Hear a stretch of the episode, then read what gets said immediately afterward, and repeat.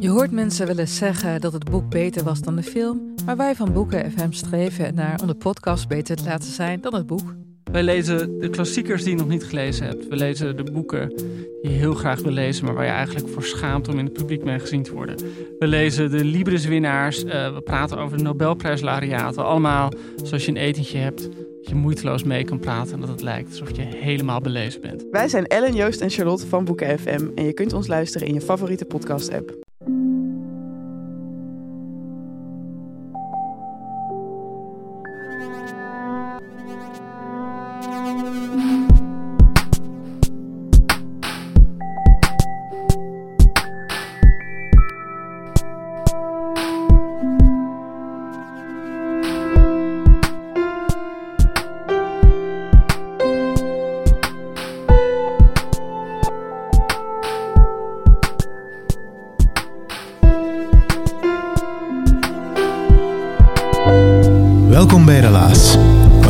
Zoals jij en ik een verhaal vertelt over iets wat hij zelf heeft meegemaakt. En dat is niet altijd iets waar je graag mee te koop loopt. Maar soms zijn er dus ook verhalen die moeten verteld worden. Omdat ze anders voor altijd een taboe blijven, of omdat je er als mens mee blijft lopen. Het verhaal van Anna bijvoorbeeld. Ze vertelde het in Huzet in Gent in april van 2016. Goedenavond. Ik denk dat jullie allemaal wel het moment kunnen herinneren, of de gebeurtenis kunnen herinneren, waardoor dat jullie echt bevriend zijn geraakt met jullie beste vriend of vriendin. Ik heb dat ook. Ik was 15 en ik had mijn eerste serieuze vriendje, Bram. En zijn oudere zus, Annelies, was uh, ja, een meisje waar ik eigenlijk onmiddellijk goed mee overeenkwam. Dat klikte, wij deden ook dingen samen. Dat was echt tof om haar als schoonzus te hebben. Um, kort, ja, denk een half jaar ongeveer, nadat Bram en ik samen waren, kreeg zij ook een nieuwe vriend, Maarten. En uh, Maarten was ook een gast waar ik wel mee overeenkwam. Maar het was nu niet voor te zeggen dat we echt vrienden waren. Dat we dingen samen deden, maar ik kon hem wel appreciëren. Um, op een dag, Bram was een fervente gamer en hij had een Wii gekocht. Ik denk dat je dat allemaal wel kennen, een Wii. Um, en ik, uh, ik bleef bij Bram slapen en ik wou zijn Wii wel een keer uittesten. Um, zijn Wii, hè. dus ik begin te spelen. Ik moest uh, Darth Vader verslaan. Dus ik ben aan het vechten. Ik ging daar zodanig in op dat Bram dacht van oké, ik ben hier de kamer uit. Um, dus ik ben te vechten, ik blijf doorvechten. Dat lukte maar niet. En op een bepaald moment komt Maarten de kamer binnen. Hij zet hem naast mij op bed en hij begint mee te kijken. En hij merkt al vlug op dat dat vechten blijkbaar niet zo goed lukt. Dus hij zegt tegen mij, moet ik meehelpen? Ik blijf hem doorvechten. Ik dacht, ik moet hem echt verslaan. Um, en zonder te wachten op een antwoord zie ik hem ineens zo wat bewegen naast mij. En ik kijk even links van mij en ik zie dat hij zijn broek heeft uitgedaan. En zijn onderbroek. En ik dacht, oké, okay, uh, ik vlug verder spelen. Ik dacht, dit is raar. Um, en hij zei, ja, misschien dat hij hem afleidt. Ik dacht in mijn eigen, ja, tuurlijk gaat hij hem afleiden. Het is een ventje op een, op scherm. Um, maar nee, dus ik blijf verder vechten. En hij zegt ineens tegen mij, anders moet je een keer aan trekken. En ik, oké, dit is uh, een heel rare situatie. Dat is het lief van mijn schoonzus. Ik voelde mij echt niet op mijn gemak. Ik was ook, moet weten, ik, ik was een redelijk onzeker meisje. Um, redelijk beschaamd, dus ik durfde daar ook eigenlijk niet echt veel op zeggen. Maar ik voelde me echt niet op mijn gemak. En ik dacht, um, ik, ik, wil weg uit deze kamer. Dus Darth Vader, sorry, ik sloot hem af. En ik ging de kamer uit, op zoek naar Bram. Uh, later die avond, Bram en ik gingen gaan slapen. We lagen in bed nog een beetje te babbelen. En ik zeg tegen hem van ja, kijk, uh, ik heb Maarten zijn penis gezien. En ja, ik begin zo de situatie wat te schetsen. En Bram begint zo wat te lachen. Zegt hij, allee, onnozelaar, waarom doet hij dat nu? Ik vond op zich al een rare reactie, want Bram was eigenlijk een beetje van het jaloerse type. Maar blijkbaar vond hij dat grappig. En uh, ik zei van, ja, moet ik dat niet zeggen tegen Annelies? Want ik zou dat persoonlijk niet zo leuk vinden, moest hij dat doen bij een meisje. Maar nee, zei hij, ja, dat is gewoon maar voor te lachen. Dat is te zeven, moet dat niet serieus pakken. Um, en daarbij, Maarten, dat is een goede gast. Ze heeft eindelijk iemand goed gevonden, we laten dat zo. Oké, Bram. We gaan gaan slapen. De volgende dag ik, die Darth Vader was nog niet verslaan, dus ik wou nog maar een keer uh, tegen hem proberen vechten. Ondertussen was Bram uh, de kamer uitgegaan en hij was het gras gaan afrijden. En Bram was nog maar ja, een paar minuten naar buiten. En ik merk ineens beweging aan het deurgat. En ik dacht, oh nee, dat is net die persoon dat ik liever niet zou zien vandaag, die waarschijnlijk daar staat. En ineens hoor ik zijn stem en op het moment dat ik zijn stem hoor, krimp ik al ineen en voel ik mij ongemakkelijk worden. En ik hoor de woorden, spijt mij van gisteren, Anne. Dus ik, oké, yes. Um, ja, ik ben blij dat hij, zich, dat hij zich schuldig voelt en dat hij, dat hij niet gebaart alsof er niets is gebeurd. Dus ik was opgelegd. Ik dacht van, als blijk van, het is oké, kijk ik naar hem. En ik merk dat diezelfde persoon die net zei tegen mij dat het hem speet dat hij terug met zijn broek tot onder zijn penis naar mij staat te kijken. Ik voelde mij terug echt heel ongemakkelijk worden. Ik werd zelf een beetje bang en ik dacht, dit is, dit is zo vreemd. Ik begreep het ook echt niet. Um, dus ik, ik was zo snel mogelijk die kamer uit. Ik sluit het spel af. Dat verder nog altijd niet verslaan. Um, en ik wil naar buiten lopen, maar Maarten stond daar in het deurgat. En ja, ik kon daar niet zo gemakkelijk langs. Dus ik moest mijn lichaam echt tegen hem aanschurken een beetje om naar buiten te kunnen. Ik voelde me echt vuil. Uh, dus ik loop zo snel mogelijk de tuin in naar Bram en ik zeg tegen hem van... Ja, kijk, even het weer gedaan. Uh, wat, moeten we doen? Dat is toch niet normaal? En Bram terug, wat weglachen. En zei ja, dat, is niet zo serieus. Kom, we gaan, we gaan daarover zwijgen. Is niet de laatste keer dat dat is gebeurd. Um, drie jaar lang heeft Maarten um, op verschillende momenten, op verschillende plaatsen, zijn geslachtsdelen getoond aan.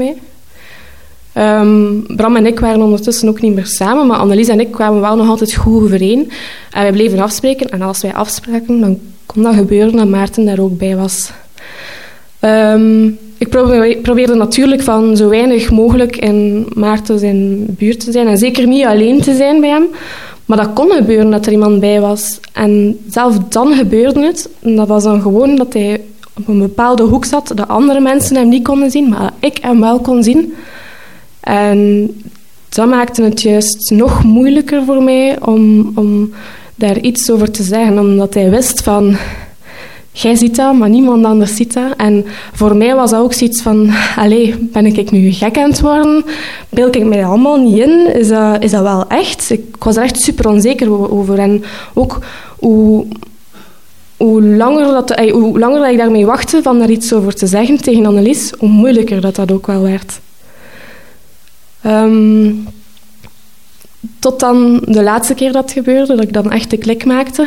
Dat was... Um, Annelies en Maarten waren ondertussen al verhuisd, gaan samenwonen in een groot huis. En om praktische reden uh, kon ik daar blijven slapen.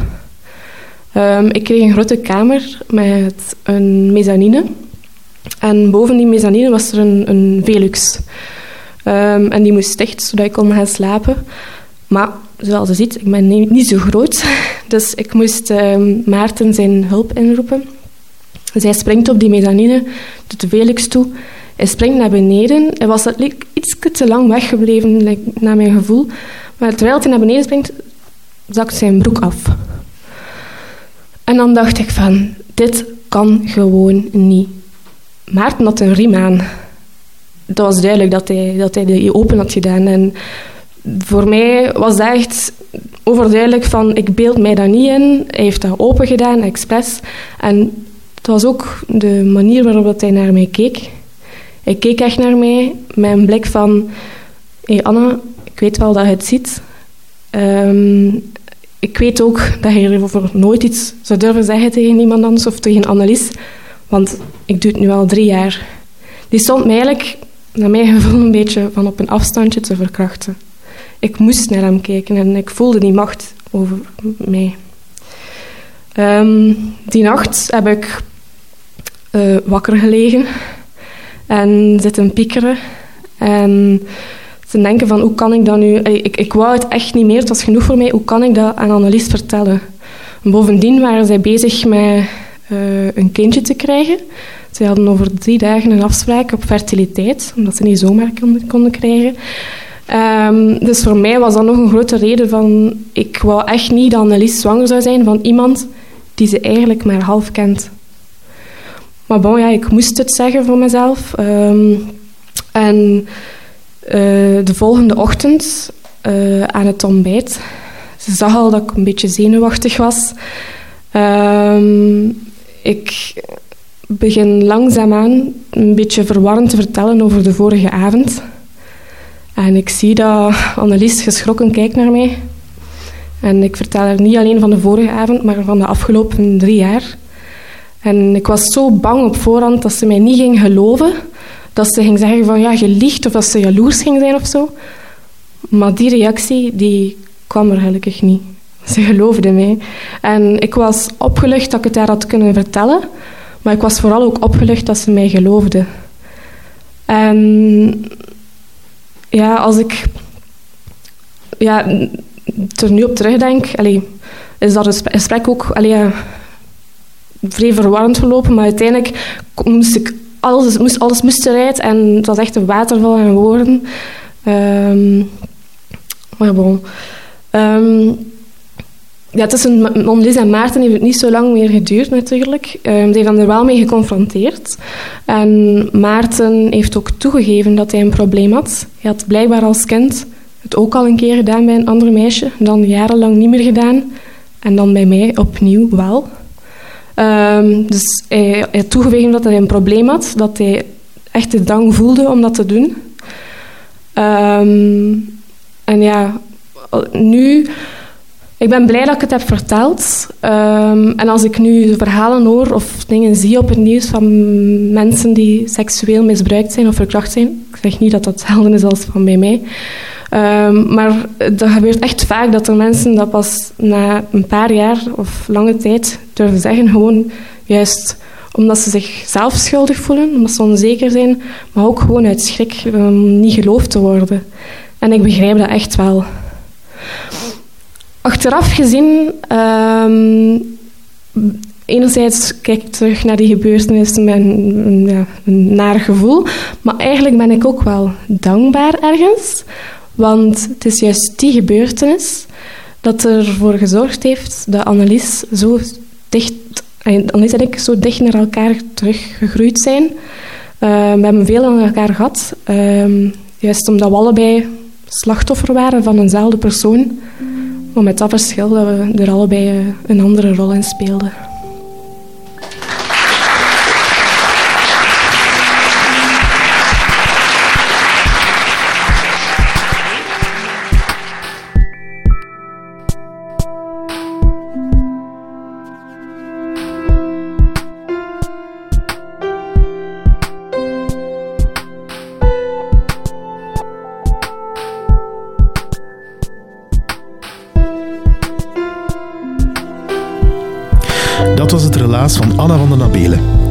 Heel dapper vertelde ze dat in Gusset in Gent in april 2016. Je moet je voorstellen, zo'n vertelavond van Relaas, dat zijn vier verhalen na elkaar en het publiek kwam net uit een heel grappig verhaal. Maar toen Anna de toon zette, dan sloeg de stemming in de zaal meteen om naar bittere ernst en stilte. Een ontzagstilte. Is dat een woord? In de pauze kwamen dan ook heel veel mensen persoonlijk naar Anna om haar te bedanken voor het verhaal. Voor haar moed, voor haar openhartigheid. En ik zag enkele mensen toch ook een eigen getuigenis delen. Achteraf kreeg ik zelf nog een mailtje van iemand die, dankzij het moedige relaas van Anna, ook zelf eens binnenkort wil komen vertellen. Dat is de kracht van storytelling. Heb je zelf een herkenbaar of misschien een bijzonder verhaal, intiem of niet, maakt niet uit. Wil je iemand tippen die een goed verhaal heeft? Of wil je er graag zelf eens live bij zijn als de verhalen verteld worden? Surf dan naar www.relaas.be en je komt alles te weten over wie wij zijn, over onze vertelavonden en over de podcast. Je kan ook alle andere verhalen herbeluisteren of een partnership met ons aangaan. Relaas is er dankzij Stad Gent. Onze partners zijn Urgent FM, Deluxe en REC. Relaas wordt gemaakt door Dieter van Huffel, Timo van de Voorde, Sarah Latré, Philippe Cox, Evert Savers, Charlotte Huigen, Marilyn Michels, Rick Merci, Helena Verheijen, Anna van den Abelen, Kenny Vermeulen en ikzelf ben Pieter Blomme. En natuurlijk dankzij jullie, de luisteraars en ambassadeurs van Relaas. Hou je niet in, vertel andere mensen over onze vertelavonden en over onze podcast. Vindt ons ook terug op Facebook, gewoon Relaas intypen. En daar vind je ook de link naar onze podcast op Soundcloud of iTunes. En als je het ziet zitten, laat ons dan een waardering achter op iTunes. Wij zijn je daar heel dankbaar voor. Eventueel met een comment, dan komen wij hoger in de ranking en vinden mensen makkelijker hun weg naar Relaas.